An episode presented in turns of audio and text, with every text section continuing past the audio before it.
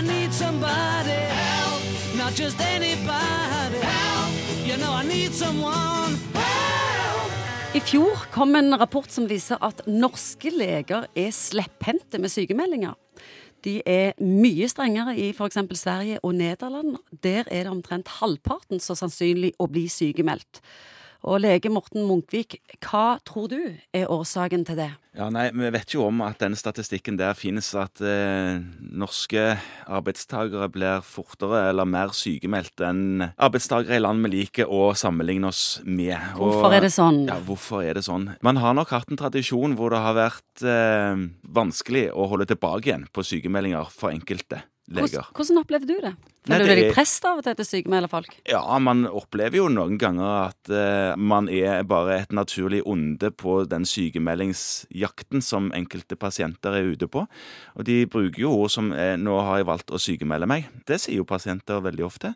Betyr det at norske leger enten er lettlurte, eller at de er feige og ikke tør å nekte pasienten sykemelding? Jeg tror det er nok mest det at eh, en eh, gjør det for raskt. En er litt kjapp på det å sykemelde uten å tenke alternative løsninger. Og ikke sjablongmessig sykemeldt så lenge som kanskje veldig mange gjør. Det er mange ganger en sykemelder liksom ut uken. Er du i gang med en sykdom, så sykemeld en ut uken. Mens en vet jo at dersom en eh, blir sykemeldt for en kraftig eh, forkjølelse eller et eller annet sånt som er relativt banalt, så vet du at du blir ikke syk eh, hvis du kommer tirsdag, så ligger du ikke syk til neste mandag. Du gjør jo ikke det. Du er syk et par dager, og så er du god igjen. Da kan du f.eks. sykemeldt bare to dager. Det er mange forstå-seg-på-ere som anklager systemet vi har. Ja. At det handler om at eh, vi får eh, 100% lønn fra første sykemeldingsdag, og at folk eh, sykemelder seg når de syns synd på seg sjøl, Ja. og syns livet er litt hardt, Ja. og at nå passer det litt godt. Og, Ja. og det hadde vi ikke gjort hvis vi gjorde sånn som i Sverige, der de får 80 Mm. ja, det stemmer nok eh, det at det er nok noe i det. Man blir ikke straffa økonomisk for å bli syk. Hva tenker du om det? Ja, Det tenker jeg jo i utgangspunktet er veldig, veldig bra.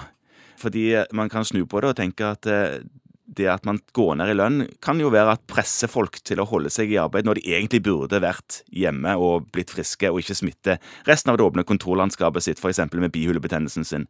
Så der, der kan du snu på begge veier, men en må søke etter mellomtingen. Kanskje den beste sykemeldingsgraden er det som ligger midt imellom det vi har i Norge og det vi har i Sverige. At vi sykemelder for mye i Norge, kanskje, og kanskje man sykemelder litt for lite i Sverige. Jeg vet ikke, men man, man er nok for flink til å sykemelde i Norge.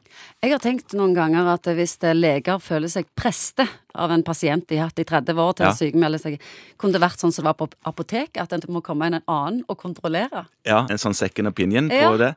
Ja, eh, Eller blir det bare ressurskrevende? Det, det gjør det jo helt klart, men jeg vet jo òg at en del kolleger, eller forstår seg på året, har sagt at fastlegeordningen i seg sjøl er med på å øke sykemeldingsgraden, fordi man kjenner og blir så glad i eh, de som er på pasientlisten sin, at man sykemelder de enklere enn man ville gjort, og blir mindre mistenksom. Og dette koster samfunnet 15 milliarder i året, Ja, det disse er, sykemeldingene. ja, det er ekstremt kostbart, og det er jo et stort økonomisk initiativ til å få redusert på den byrden der i velferdsstaten Norge.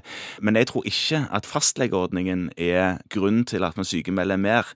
Enkelte ganger så vil det nok være sånn at man eh, blir noe slepphendt til enkelte, men jeg tror det motsatte er sannere, fordi man kjenner en pasient så godt, sykemelder mindre og mer riktig. Men jeg tror det viktigste er kanskje å sykemelde litt mer etter så lenge man eh, tenker at en sykdom vil vare, og ikke sjablongssykemelde.